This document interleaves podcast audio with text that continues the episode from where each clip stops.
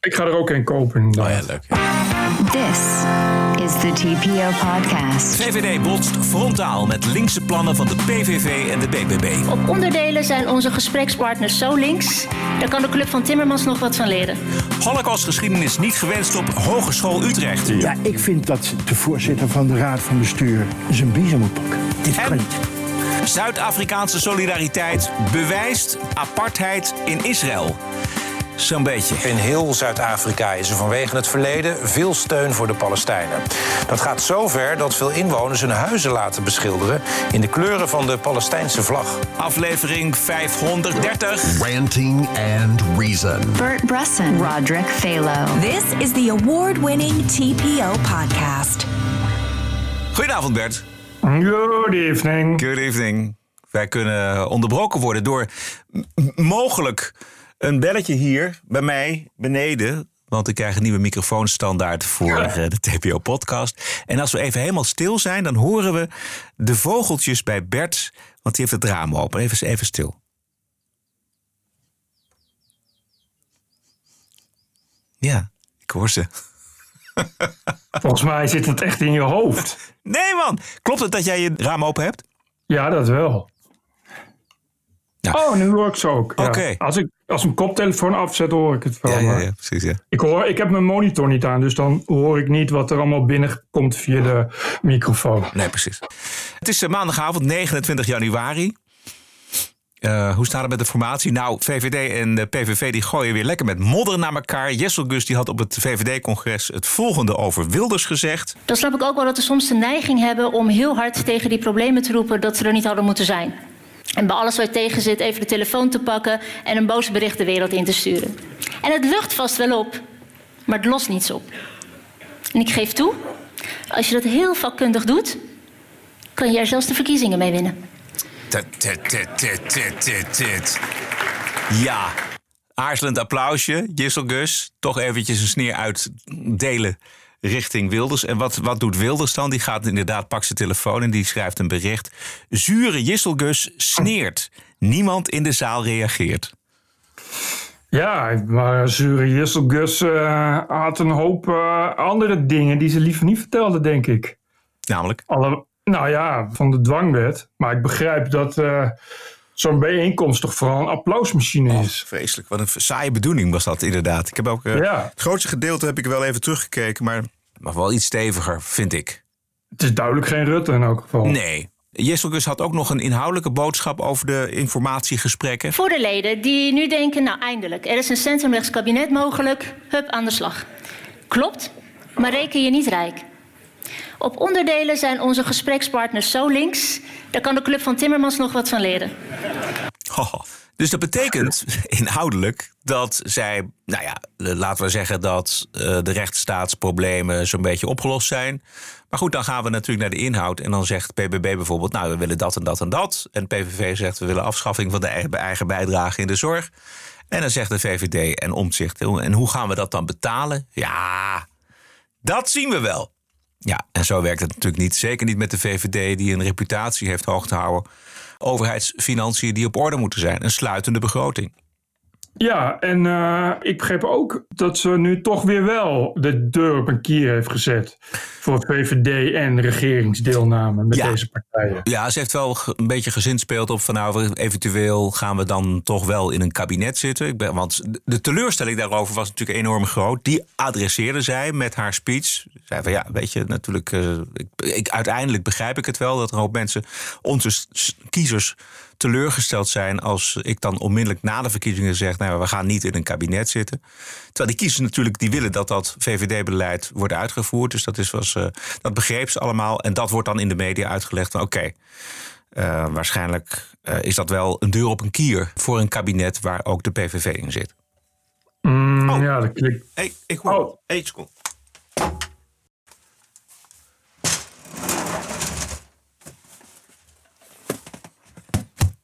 Hebbes. Ah, daar is hij. Mooi, daar kunnen we meteen vanavond mee spelen. Ja. Misschien dat ik hem straks nog eventjes uitpak tijdens eh, de uitzending. Allemaal dankzij de bijdragers van onze geweldige abonnees op de vrijdag. Hartelijk dank daarvoor.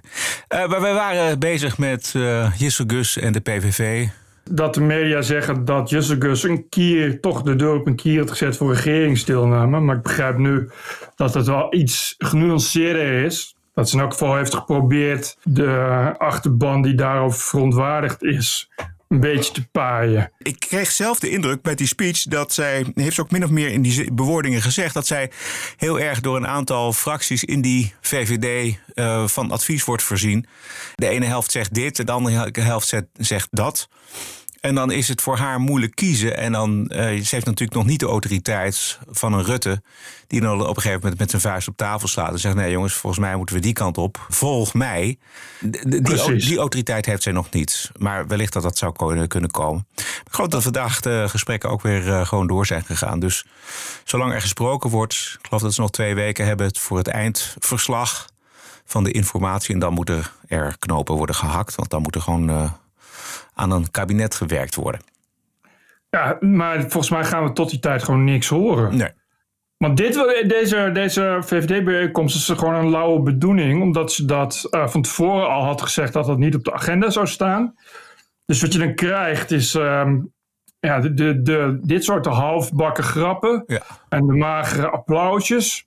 En dan mag Paul Slettenhaar mag nog iets rechts roepen voor de bühne. Ja. En voor de rest de leden komen even aapjes kijken. En dan komen er prominenten die vertellen hoe fantastisch de VVD is. Dat er niks aan de hand is.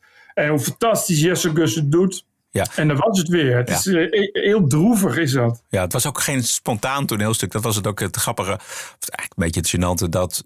eh, er werd af en toe geklapt. eh, ook wel aarzelend geklapt. Dat hoorden we net. Weet je wel. En eh, ook op momenten dat Gus het niet verwachtte. Of juist weer wel verwachtte. En dan bleef het stil. Dus het, er was, aan alle kanten was het ongemakkelijk. Nou ja, ze hebben ook geen makkelijke tijd de afgelopen maanden gehad. Na de verkiezingen. VVD. Dus eh, we gaan het zien. Voor het geval er toch nog een kabinet komt met de PVV, heeft eh, Trouw al een overlevingsgids geschreven, las ik. Gaat weliswaar over Zweden. De Zweedse PVV heeft een coalitie daar. Maar Trouw die wil die dan die verbinding met Nederland wel leggen. Droomland Zweden verandert voor mijn ogen. Hoe overleef ik de winst van radicaal rechts? Heel groot stuk, lang stuk. Jij kwam er mee op Twitter, zag ik, eh, Bert. Eh, lang stuk van de correspondent van Trouw. Ja. Maar ja, hoe achterlijk deze krant inmiddels is, sorry Sylvain, blijkt uit dat hele stuk het verhaal van één Nederlandse vrouw, Anne Gietje heet ze dus, Anne Gietje Fransen, Scandinavië-correspondent van Trouw. Eén grote Ja, huilpartij. Dat verzin je toch niet? Ik bedoel, eh, Zweden is van gidsland, inderdaad, van gidsland in een, in een paar jaar tijd naar een soort halve narco-staat gegaan. Waar negenjarige kinderen worden opgeblazen door handgranaten en minderjarigen eh, omkomen in schietpartijen tussen eh, de meest eh, krankzinnige criminele bendes die voor 99% bestaan uit allochtonen die Zweden als gidsland zo welkom heeft geheten. Ja. Eh, en dat is al jaren het geval. Dus krijg je dat mensen, zeker de mensen die in Göteborg wonen en, of, of, of, in, eh, eh, of in de hoofdstad en in de wijken waar dat gebeurt, die willen dan wel eens een keer iets anders dan die sociaaldemocratie die al 180 jaar aan de macht is en die per se een gidsland wil maken. Want het is niet zo succesvol, dat gidsland. Dat blijkt, want er gaan dus de hele tijd mensen dood en niet weinig ook. Dus stemmen die op een rechtse partij, radicaal rechts. Ja. En dan ineens zeg je, oh, hoe overleef ik dat? Dus je denkt niet, die bendes, hoe overleef ik dat? Het duurt heel lang voordat ze dan komt bij die bendes. Veel van de bendeleden zijn tweede generatie immigranten, niet per se recente vluchtelingen. Die opgroeien in kansarme, vergeten buurten. Daar gaan we. Hun criminele activiteiten hebben, al dus, onderzoekers veel minder met hun niet-Zweedse achtergrond dan met hun lage sociale status en de uitzichtloosheid van een situatie te maken. Dus ze gooit het onmiddellijk op de, het ideaal van de sociaaldemocratie. Nou, die heeft gewoon totaal niet gefunctioneerd als het gaat om die immigratie en die bendes. Maar ze blijft het volhouden. Dat heeft helemaal niks met achterstand te maken of wat dan ook. Dit is een pure, snoeiharde georganiseerde criminaliteit. Een belangrijke reden waar ze echt in Zweden, volgens mij vriend en vijand, eh, het daarover eens is. De reden dat dit soort organisaties die jonge jochies werven, is omdat die jonge jongens niet hard worden gestraft. Omdat ze minderjarig zijn. Ja. Dat is waarom ze die liquidaties laten uitvoeren, die jonge jongens. Het heeft helemaal niks te maken met armoede. Ja. Weet ik veel wat. Ja, tuurlijk. Maar ja, die jochies die krijgen een pak geld aangeboden. Ja, even de trekker over. Je hoeft toch maar maximaal twee maanden in een open inrichting te zitten. Dus halen de jongens trekker over. Maar dan kun je toch niet vergooien op criminaliteit. Nee. En het is, als je daar correspondent bent. Nou, het is vreselijk. Het, duurde zo lang. Dat het is een heel lang stuk. Het duurde heel lang voordat ze dan überhaupt bij die bendes kwam. Dus we wilden vooral eerst huilen over dat extreem rechts. Er was natuurlijk een idee van kijk eens eventjes. Nederland gaat ook die, die kant op, weet je wel. Met een extreem rechtse partij in het kabinet. En zij eindigt dan haar stuk met in de hoop dat bij de volgende verkiezingen de groenen winnen en ons van de zondvloed redden. Dat is toch raar dat je, dat, dat je, daar, dat je die vlek in je ogen niet ziet. Dat je zo'n blinde vlek daarvoor hebt. Ja, in, in, in, in 2015 al schreef de toenmalige hoofdcommissaris van politie van Zweden een brandbrief waarin hij schreef dat eh, de rechtsstaat en de samenleving eh, eh, in elkaar dreigen te storten. Weet je, de, dat was de hoofdcommissaris. Dat stond gewoon in Zweedse media. En het was, dat is dus al acht jaar geleden. En al die tijd doet zo'n verslaggever van Trouw alsof dat gewoon niet zo is. Ja. Het is afschuwelijk dat iemand, dat een journalist zo bezig is met de werkelijkheid eh, te negeren, te verdraaien, niet informatief te zijn en haar droom van de Zweedse sociaaldemocratie probeert na te jagen. Maar goed, die krant dat die bestaat, man, dat trouw. Ja, dat, ik snap ook niet. Ik kan me niet voorstellen, want ja, er is natuurlijk niemand die eh, nu nog. eh, want ja, dat is echt bejaarde. Maar die kalven natuurlijk enorm af. Maar ik kan me niet voorstellen dat iemand die nu 30 is, denkt: kom, laat ik een trouwabonnement nemen. TPO Podcast. Nou, er is al heel veel geschreven over de Hogeschool Utrecht. Terecht, maar we zijn er nog niet klaar mee met die school.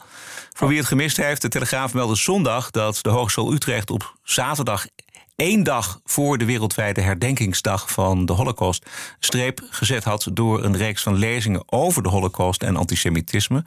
Officiële verklaring luidde: wij willen namelijk een diverse en gebalanceerde dialoog faciliteren rond dit onderwerp. We hebben meer tijd nodig om de gebeurtenissen van 7 oktober en daarna in breder perspectief te plaatsen, met ruimte voor uiteenlopende meningen en overtuigingen. Oftewel, de hogeschool wilde de massamoord op 6 miljoen Joden in context plaatsen.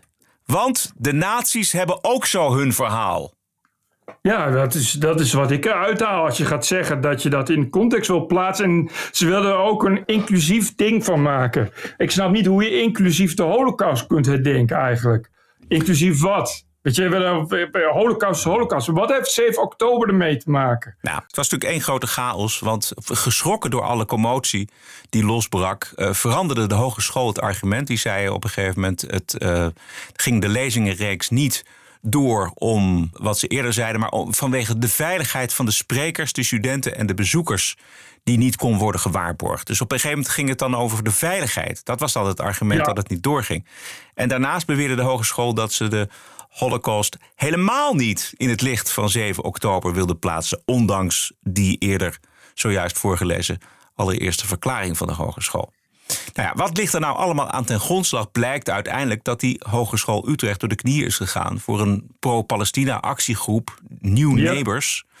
Sympathisanten van New Neighbors eh, Utrecht feliciteerden de organisatie uitvoerig. Een mooie overwinning. Schandalig dat ze überhaupt die eh, collegereeks wilden houden. En ik zag dat er een Holocaust-overlevende komt spreken. Bizar. Nou, als je kijkt naar het Instagram-account van die New Neighbors, dan staan er drie activisten. Eén met, een, met een hoofddoek, twee met een Palestijnse sjaal. En ze poseren dan samen op de foto met wie anders dan GroenLinks-wethouder Linda Voortman, hoofd van de diversiteit en inclusie terreur in Utrecht. Juist. Overigens gaat de lezing nu dus wel weer door. Nou, ze zeggen het precies, maar ze zeggen dus ze ontkennen dat hij überhaupt dat er een streep doorheen gegaan is. Ze zeggen hij gaat Ja, wel door, maar op een later moment. Het is dus duidelijk dat ze volkomen in paniek zijn geraakt. Al vanaf het eerste begin, begin dat die halve garen eh, hebben geëist dat die dingen niet doorgaan. Zelfs voor een antisemitische hogeschool is Ja. het raar om holocaustles in twijfel te gaan trekken. Daar is toch wel een beetje de grens.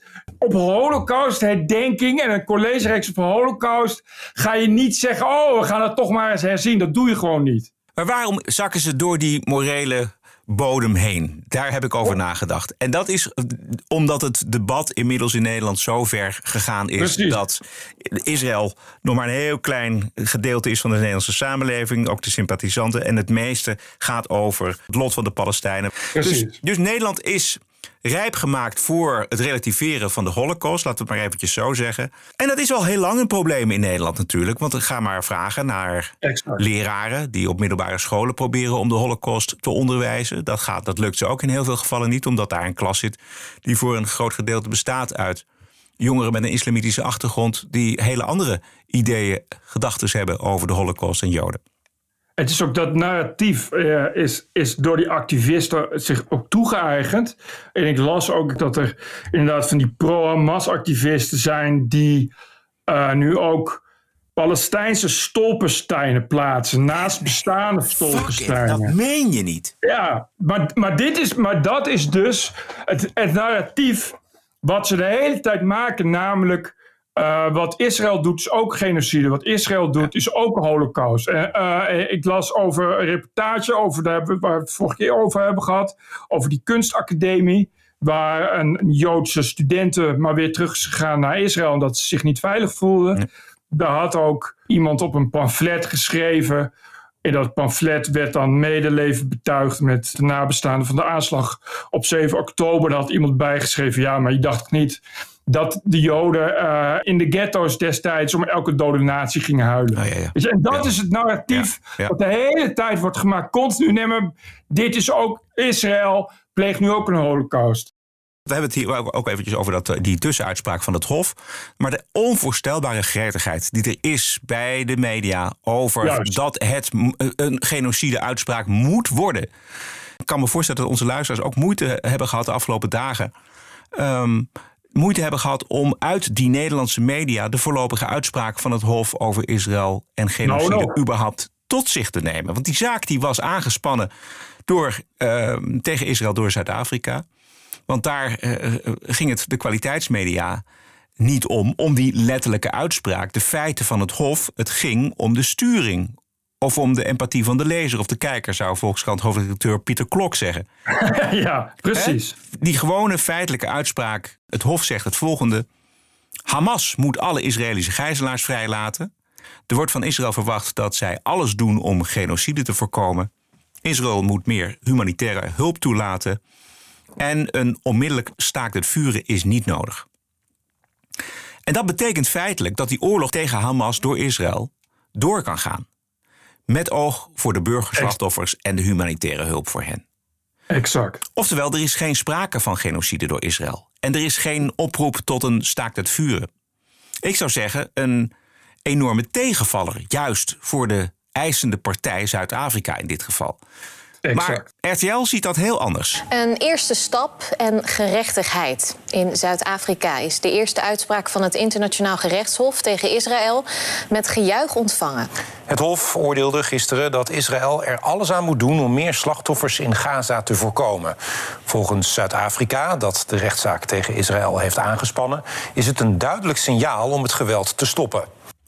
Andere zaken horen we dus niet. Hè? Eventjes heel duidelijk. Dit was de inleiding tot het item. Maar we horen niet al die andere zaken die we net hebben genoemd. Die horen we niet. Het gaat alleen over dat Israël het geweld in de perken moet houden. De uitspraak werd gisteren op veel plekken in Zuid-Afrika live gevolgd. Ook door de regering, waar het oordeel van het Hof na afloop flink werd gevierd. Hoewel de rechter niet een direct staakt het vuren heeft bevolen, denkt Zuid-Afrika dat de uitspraak voor minder leed in Gaza gaat zorgen. Vanwege de eigen geschiedenis voelt Zuid-Afrika zich enorm verbonden met de Palestijnen. Ja. Tijdens de apartheid werden in de vorige eeuw. Ja, Bert, dit vind ik kwalijk van RTL Nieuws. Ze presenteren dus niet de feiten, niet de uitspraak.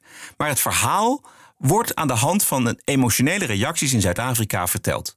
Waardoor je dus als kijker helemaal niet geïnformeerd wordt over die feitelijke uitspraak van het Hof.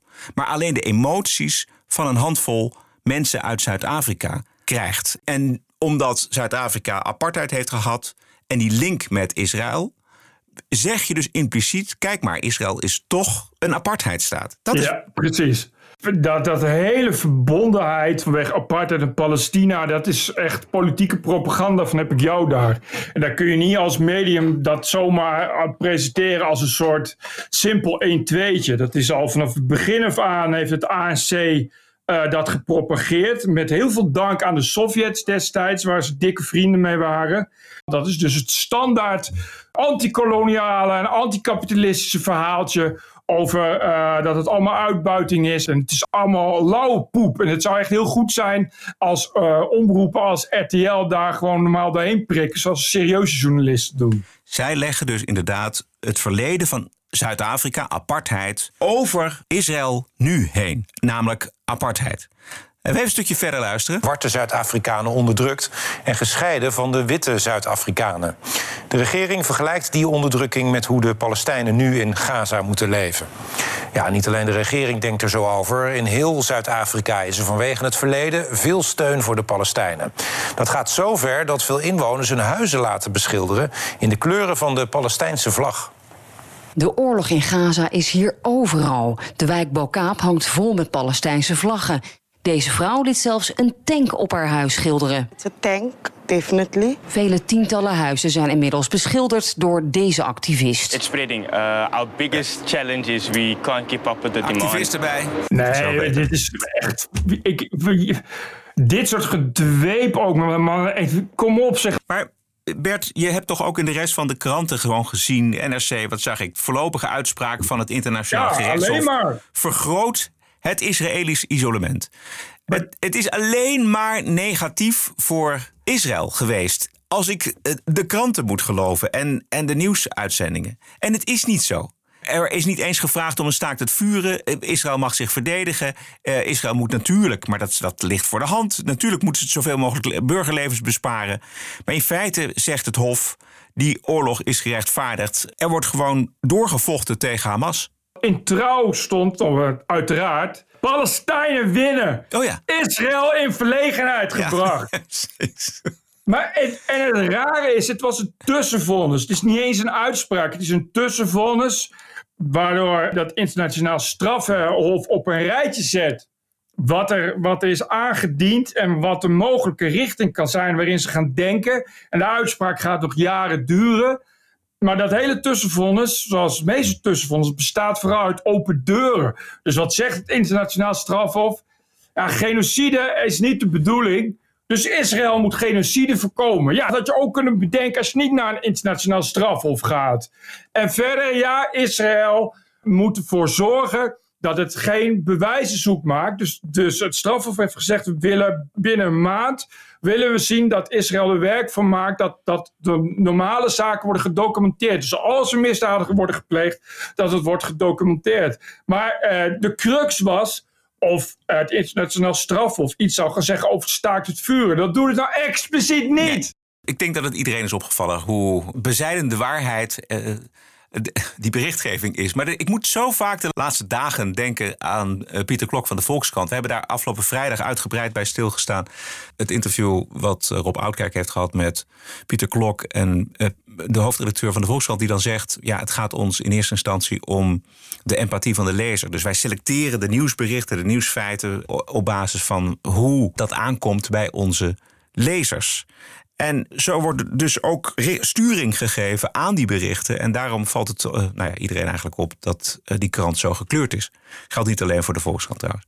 Hoe bestaat het toch dat je een, een, een simpele uitspraak, dat je daar één dingetje uithaalt en dat je daar de slingers rond ophangt en zegt: Het is één groot feest, want Israël wordt hier al half beschuldigd van genocide. Ja, wat gewoon niet zo is. Nee. Het is een tussenvonnis, het is verre van een uitspraak.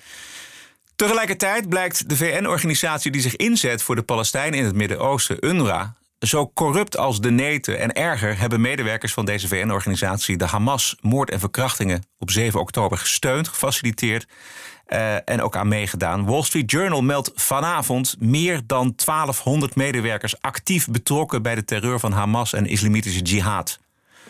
12 stafmedewerkers zijn inmiddels ontslagen. Dit is demissionair minister van Buitenlandse Zaken, van Buitenlandse Handel, van Leeuwen in Nieuwsuur. We zijn natuurlijk enorm geschrokken, want de aanklacht is dat uh, met VN-geld, werk met ons geld, ook aanslagen is gepleegd op 7 oktober. De VN-organisatie die in 1949 speciaal voor Palestijnse vluchtelingen werd opgericht, zorgt onder andere voor voedsel, schoon drinkwater, scholen en medische zorg. Nederland geeft jaarlijks zo'n 19 miljoen euro aan de organisatie. Vorig jaar verhoogde het ministerie van Buitenlandse Zaken het bedrag vanwege de noodsituatie naar 37 miljoen euro. En voor dit jaar werd al 29 miljoen euro overgemaakt. Maar daar blijft het voorlopig bij. Ja, wat ik gisteren heb gezegd is dat wij de, de uitkomst van de onderzoeken afwachten. En uh, afhankelijk daarvan uh, eventueel nieuwe bijdragen zullen, zullen bekijken. Nederland stopt eventjes met het uh, geld. Verenigde Staten, Frankrijk. Ja. En nu pas die landen zeggen te stoppen... of in ieder geval de boel eventjes op hol te zetten... zie je pas wat voor enorme bedragen daarheen gaan, jongen. Het, gaat, moet bijgezegd worden, het gaat niet alleen om de Palestijnen in de Gazastrook. Het gaat dus over de, om de Palestijnen die overal, ook in Libanon, ook in Jordanië, overal in, in die kampen zitten. Die krijgen, tenminste, daar, die moeten dat geld krijgen. Maar het gaat om miljarden. En het is des te treuriger natuurlijk dat Hamas dat geld voor een belangrijk deel gebruikt heeft voor de tunnels en voor het eigen leger. Ja, roept echt iedereen al jaren. Ja. Iedereen met gezond verstand weet dat. En al jaren, ook nu weer, uh, komen de clubjes als Amnesty die roepen schande en walgelijk. Je zou willen dat Amnesty er ook was op het moment dat duidelijk werd dat maar liefst 10% van die medewerkers van een VN-club is minimaal fout. Dus het zal de werkelijkheid nog wel, nog wel erger zijn. Het is allemaal naar boven gekomen door interviews met eh, de Israëlische gijzelaars die daar zijn vrijgelaten. Eh, ze zijn onder de grond verplaatst en verzorgd door uh, leden van deze VN-organisatie. Dat betekent dus dat de VN hebben meegedaan met de ontvoering van Israëlische burgers. Ik las vanavond op de New York Times, die noemen nog zeven verdachten, uh, leraren die ook op die scholen, VN-scholen, lesgeven. Ja, klopt. Het gaat om, ook om uh, ambtenaren en een maatschappelijk werker en een magazijnbediende. Kijk, Hamas is gewoon een autocratische organisatie die opereert als een soort maffia. Waar, Precies. En een hele rijke maffia. Want al dat geld, jongen, al die miljoenen, wat we net hoorden, weet je wel. Dat zijn gigantische bedragen. En dat gaat allemaal ja, door de handen van, uh, van Hamas. Uiteindelijk bepalen zij waar dat geld naartoe gaat. Ja, maar goed, wat toch iedereen al heel lang heeft geroepen. En na al die tijd was het weer dat het allemaal onzin was. Ja. En het is echt niet zo, zouden ze echt nooit doen. Ja, nu heb je het bewijs en het is nog veel erger dan dat. Dus je kunt je afvragen hoeveel meer medewerkers van de VN wereldwijd er eigenlijk meedoen aan terreur. Nog even, en uh, VN zelf is een terreurorganisatie te noemen. Ja. Um, het is ook zo dat de mensen die wel hun mond open doen binnen die VN-organisatie, dat die eruit gekinkeld worden. In 2021 was de toenmalige directeur van deze UNRWA, Matthias Schmale, dat is een Duitser. En die is uit Gaza gezet door Hamas omdat hij op de Israëlische televisie had gezegd dat de bombardementen van de Israëlische luchtmacht uiterst nauwkeurig waren. En dat er geen gebrek aan voedsel, water en medicijnen was. This means that there's no shortage of medicines, uh, food supplies or running water now? During the 11 days of war, we did not run out of food, water, and supplies. Uh, we would have if Karam Shalom and the border would have stayed closed. The border is open now since yesterday, and goods, supplies are coming back in. So, I, I, from my point of view, there is no acute or serious shortage of medical supplies, food, or water as long as this now starts or continues to come in. Israeli officials claim that uh, the IDF bombardments were very precise. What's your impression regarding this? I'm not a military expert, but I would not dispute that. I, I also have the impression that uh, there is a huge sophistication in the way the Israeli military stri- struck over the last 11 days. Ja, dit gaat dus over de Israëlische bombardementen in 2021, niet over de huidige jacht op Hamas. Maar dit is dus iemand die iets zegt wat Hamas helemaal niet goed uitkomt. Want het moet die vertelt namelijk gewoon wat daar gebeurd is. Dus om die reden is hij Gaza uitgezet. Dus het is wel volstrekt helder hoe die VN-organisatie en al die medewerkers zich behoren te gedragen in Gaza. Namelijk volgens de wetten, de regels en de censuur van Hamas. Ja, het is gewoon een Stalin-terreur, denk ik verder. Maar goed, nu zit uh, Sigrid Kaag er toch? Ja. Dus dat gaat allemaal goed komen. Bonnie Glick is een voormalig hoofd van USAID. Dat is de, de, enorme Amerikaanse hulporganisatie die voedsel en medicijnen verzorgt in alle uithoeken van de wereld. Uh, dit is van een rechtlijnigheid waar BBC-interviewers geen raad mee weten. What has been uncovered through the last 113 days since October 7th is a vast system of tunnels that Hamas has built using assistance dollars that have come from donors, including through UNRWA, to build this hundreds and hundreds of miles long tunnel system that they are holding hostages in and that they're using for their command UNRWA and control. does deny that. Yes, UNRWA denies. UNRWA has never shown any support for the attacks of October the 7th. Not publicly yet. Uh, on Tuesday of this week, there will be a hearing in Congress uh, where the UN Watch is being called as a witness to testify under oath that 3,000 named employees of UNRWA in a telegram message system, all named, all with their employee ID numbers, yep. all laid out, have been cheering the efforts of Hamas cheered and publicly supported the October 7th massacre. It is extremely difficult to give this assistance to Palestinians in Gaza. They're facing a very serious food crisis. The war has meant there are many who have no shelter, no food, no medical assistance. Who is going to give that support if it isn't UNRWA? This is a very simple question to answer. All of this can be ended when Hamas surrenders and every single hostage is released. So, so should innocent Palestinians continue to suffer because of this? There should be no humanitarian aid? There are six Americans being held hostage currently in Gaza by Hamas. Hamas could be turned over by Gazan civilians. And Hamas leaders can surrender, put down their arms, and release all of the hostages. So then the situation changes radically. Yes. But until that moment, there can't be any so, Sorry for interrupting, but just. Ja. maar dit is precies wat je ook hoort. Het, het gaat over de gevolgen van de boycott Precies.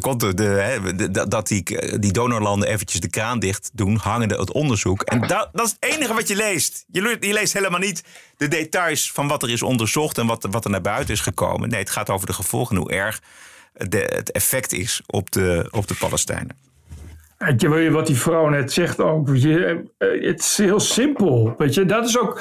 Er wordt de hele tijd wordt die claim gelegd over die vele slachtoffers. Oh, Israël pleegt genocide. Niemand die bedenkt dat dat allemaal gebeurt uh, omdat Hamas graag oorlog wil. Ja. Hier, als dat, als dat zo'n probleem is dat is de hele tijd dat Israël moet stoppen met bombarderen. Israël moet stoppen met oorlog voeren. Israël moet stoppen met burgers lastigvallen. Niemand zegt van ja, als het zo'n probleem is, waarom stopt Hamas dan niet gewoon? Het, het, is niet dat Israël lukraak voor de lol bommen gooit. Het is dat de Hamas daar zit. Dat Hamas een bedreiging is. Dus als ze, nou, als ze willen dat er geen uh, genocide wordt gepleegd, zogenaamde genocide, nou, dat is toch simpel? Dan moeten ze gewoon zichzelf aangeven. Wat is, uh, wat is daar dan moeilijk aan? Precies. Nog één klein stukje van die Bonnie Klik. Dat genocidale, dat ligt, zegt zij, natuurlijk niet bij Israël, maar ligt bij Hamas.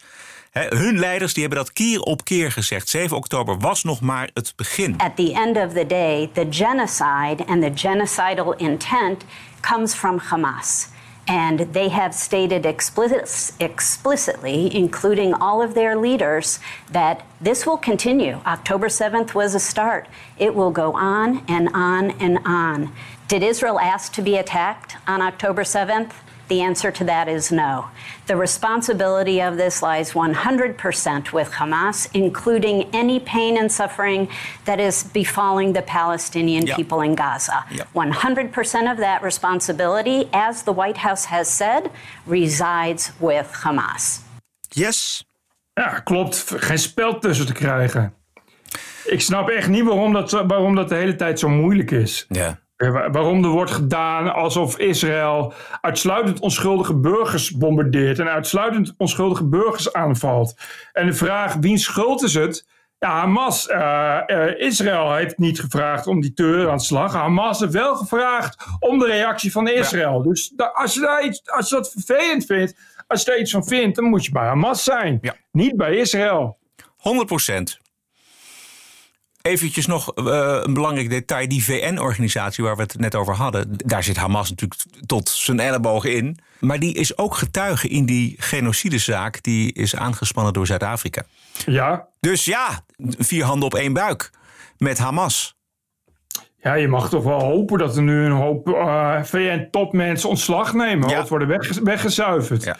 Ik weet, heb je nou nog dat fragment van Rob uh, Oudkerk? Die uh, vindt dat die uh, baas van de Antisemitische Hogeschool Utrecht moet ja. opstappen. Ja, ik zal hem even nog pakken. Ja, ik heb het even kort, want het, het ging er ook kort over. Hij zegt dat hier. Ja. ja, ik vind dat de voorzitter van de Raad van Bestuur zijn biezen moet pakken. Dit kan niet.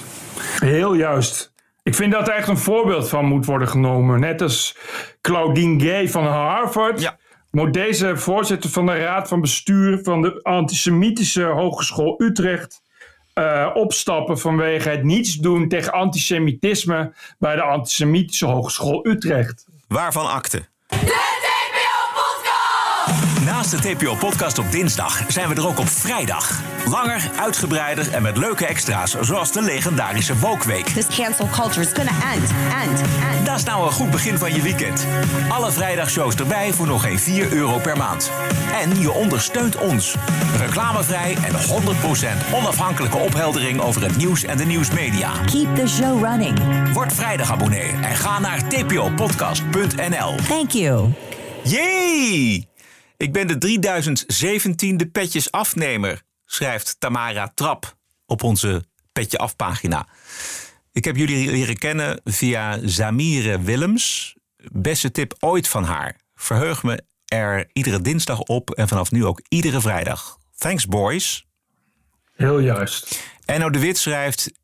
Dit moet worden gehoord. Zet hem op. Jaarabonnement voor Mirko Uitslag. Mooie podcast waar ik graag naar luister. Uh, doneren mag ook natuurlijk een donatie van Tim van den Voren. Hij schrijft: Na al die confronterende momenten met mezelf in de spiegel, wetende dat ik zwart luister, heb ik besloten mijn petje af te nemen. Hm. Heel goed. Heel goed. En even kijken wat er nog meer. Uh, Jeffrey Bouter, die had via Daan Treur niet gehoord dat hij zich moest melden. Ja, Jeffrey is natuurlijk ook niet de beroerste, dus die heeft hij gewoon gedaan. Dankjewel, uh, Jeffrey heeft u uh, inmiddels ook wel genoeg van het zwart luisteren. Wilt u zich ook melden voor het hele pakket TPO Podcast? Ga dan naar tpopodcast.nl. Komt u onmiddellijk terecht op onze Petje Afpagina... en daar kunt u kiezen tussen een maand of een jaar abonnement. Of als je een zwart luisteraar wil melden. melden! Dan kun je uh, even mailen naar info.tpo.nl met de naam, voornaam en achternaam van de zwart luisteraar. Dat hij zich moet melden. Precies. Een paar dingetjes uh, die we sowieso. Ik ben benieuwd naar wat jij ervan vindt, Bert. Enorme nieuwe klap voor Elon Musk en uh, X. Demissionair staatssecretaris Alexandra van Huffelen. ja, ik las het. Super grap. Die, die houdt ermee op. Uh, die heeft besloten om niet meer actief te zijn op het sociale medium. Ze verduidelijkt dat het een persoonlijke keuze is en dat het geen kabinetsbeleid is. De bewindsvrouw die heeft haar besluit vrijdag wel meegedeeld in de ministerraad. Dan zie je dat ook zo voor je, ook die dame. Ik, oh mens. Wat... Nee, Alexandra van Huffelen was al net zo'n belangrijke stem in het Twitter-debat als Caro en CV.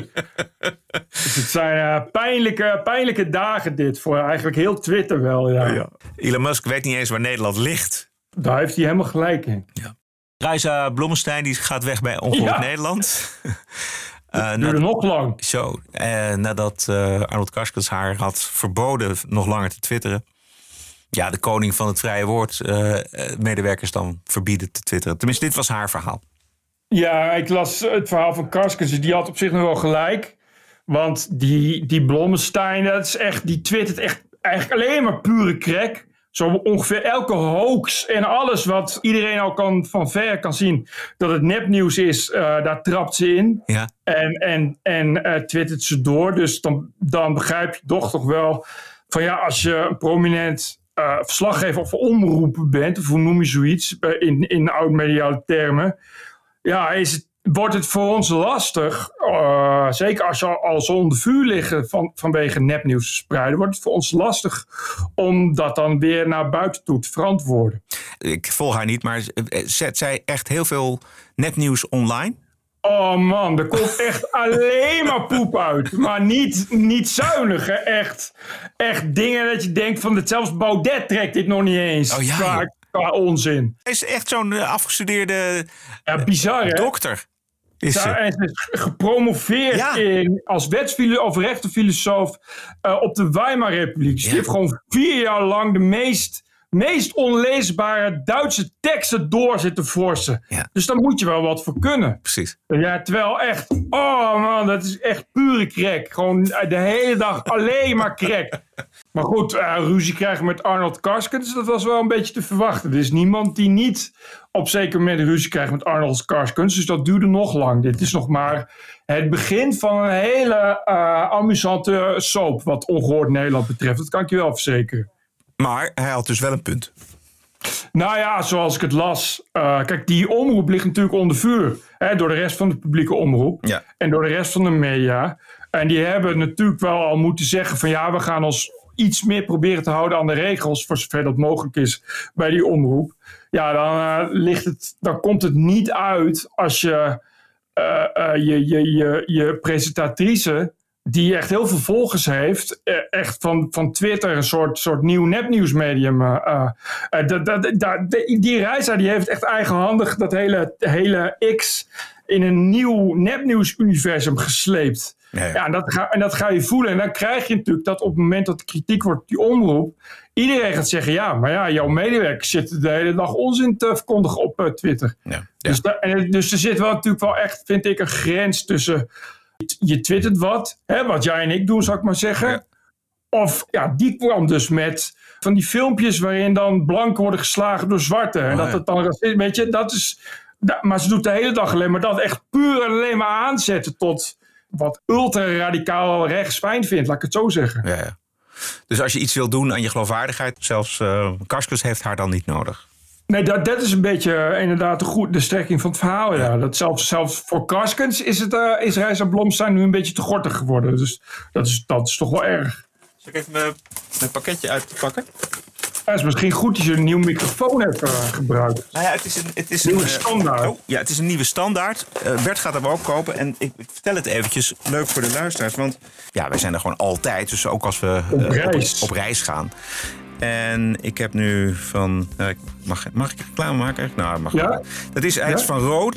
Rode. Het is een, um, een desktop standaard voor een microfoon. Maar je kunt er ook een camera aan hangen. DS2. Fantastisch mooi ding. Hartstikke zwaar, maar in ieder geval wel stabiel. En goed voor, uh, voor een microfoon. Dus die gaan we gebruiken. Op het moment dat ik in het buitenland zit of Bert ter plaatse is. Uh, dan hebben we tenminste een mooie standaard. Een hele goede is dit. dit hij wordt aangeprezen als de beste tot nu toe. Ja, dat rood is ook zo'n zo oom en een streepje erdoor. Ja. Ja, ja, dat precies. merk ken je wel. Als je ja. dat ziet, denk je, oh, dat merk. Ja. Dus, dus dat merk. Uit Australië. Wat me wel een klein beetje tegenvalt, is dat hij zo zwaar is. Het is zeker een kilo. Ja, dat is wel voor reis. Maar ja, ik, ik, ze zijn altijd zo. Want ik, ik heb die andere voor jou, dat is zo'n demontabele. Ja. Die neem ik altijd mee op reis. Ja. Maar die weegt volgens mij ook wel tegen de kilo aan. Nou goed. Anders valt hij om. Ja. Zo. Goed. Dit was de dinsdagaflevering. We zijn er vrijdag ook, natuurlijk, met de vrijdagshow. Ik zou zeggen, stay cool. En tot vrijdag. TPO Podcast. Bert Bruson, Roderick Balo, Ranting and Reason. Podcasting is the TPO podcast in the Netherlands. Bert and Roderick. What a show. I'm telling you. Keep the show running. Go to tpo.nl slash podcast. Thank you.